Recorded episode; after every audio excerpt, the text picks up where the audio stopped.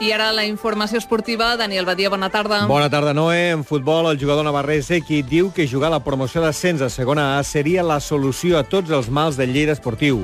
Deixant de costat els problemes extraesportius dels últims dies, Equi confessa que ara és l'objectiu que s'ha marcat la plantilla. Sí, yo creo que sí, yo creo que sí, yo creo que es, eh, es complicado, va a ser complicado de aquí a final de temporada, lo sabemos, eh, está, hay mucha gente peleando por ello. Eh, y es una, es una meta complicada, pero sí, yo creo que, que, sería, yo creo que ahora sí que nuestro objetivo, ¿no? El objetivo, yo creo, de todos, ¿no? De ciudad, de, del equipo, de, de, de, todo el mundo, ¿no? Meternos en esos cuatro primeros va a estar muy complicado, va a haber que pelear mucho, va a haber que sufrir mucho, va a haber que eh, trabajar mucho, pero bueno, eh, con, con, esa ilusión, con esa meta, no nos tenemos que afrontar estos diez últimos partidos sabiendo de la, de, del premio que es, ¿no? del premio que es meterse entre los cuatro primeros, luego, luego, luego ya se verá, pero sobre todo eh, eso, ¿no? de intentar meternos ahí, que la afición vuelva, o sea, que la ciudad vuelva a vivir unos playoffs, que sabemos lo que es.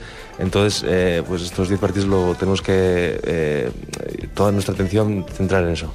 Equi i Molo no podran jugar per sanció el partit de diumenge al camp d'esports contra el Barça B que començarà a les 5 de la tarda. El jutjat d'instrucció número 3 de Lleida ha ajornat aquest matí el judici previst contra la mare d'un futbolista de categoria infantil acusada d'haver bufetejat un àrbitre. El judici se celebrarà finalment dimarts que ve al matí.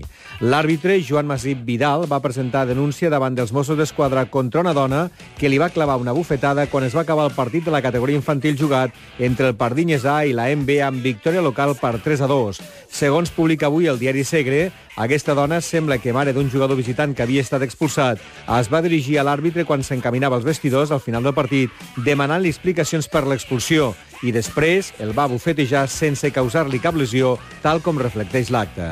L'àrbitre va abandonar el vestidor sense poder identificar la dona, però va presentar denúncia davant els Mossos. El subcomitè de competició de futbol de Lleida ha obert expedient per escoltar les al·legacions de totes les parts implicades. Parlem ara de motor. Marc Arbós i Dylan Kerr, els dos estudiants pilots de Cervera que han participat a l'Unidesert, ja són a casa després d'haver recorregut uns 3.000 quilòmetres en 10 dies en aquest raid al desert del Marroc. Durant la competició han repartit 90 quilos de material humanitari.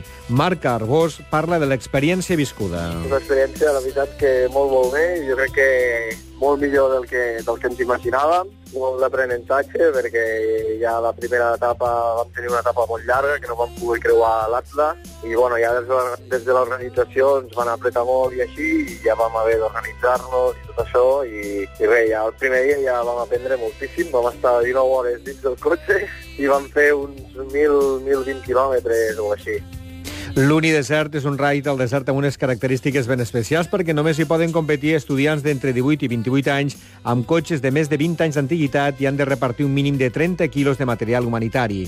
Marc Arbós i Dylan Kerr, tots dos de 21 anys, hi van participar en un Ford Fiesta de l'any 1992 regalat per un taller de sort. L'objectiu és tornar-hi l'any que ve. En bàsquet, els jugadors de l'actual Força Lleida estan convençuts que la victòria divendres passat contra el Cáceres les ha de servir d'alliberament per intentar la salvació de la categoria en les sis jornades de Lliga que queden. Ho explica el base lleidatà Marc Rubín de Celis. Jo no sé si, si és l'alliberament definitiu, però és una victòria que ens dona molta moral per seguir treballant, per seguir creient en, en les coses que fem dia a dia i sobretot de cara, ens dona una confiança extra de cara a aquests dos partits que ens venen ara, començant pel partit del Barça i després aquí a casa contra el Navarra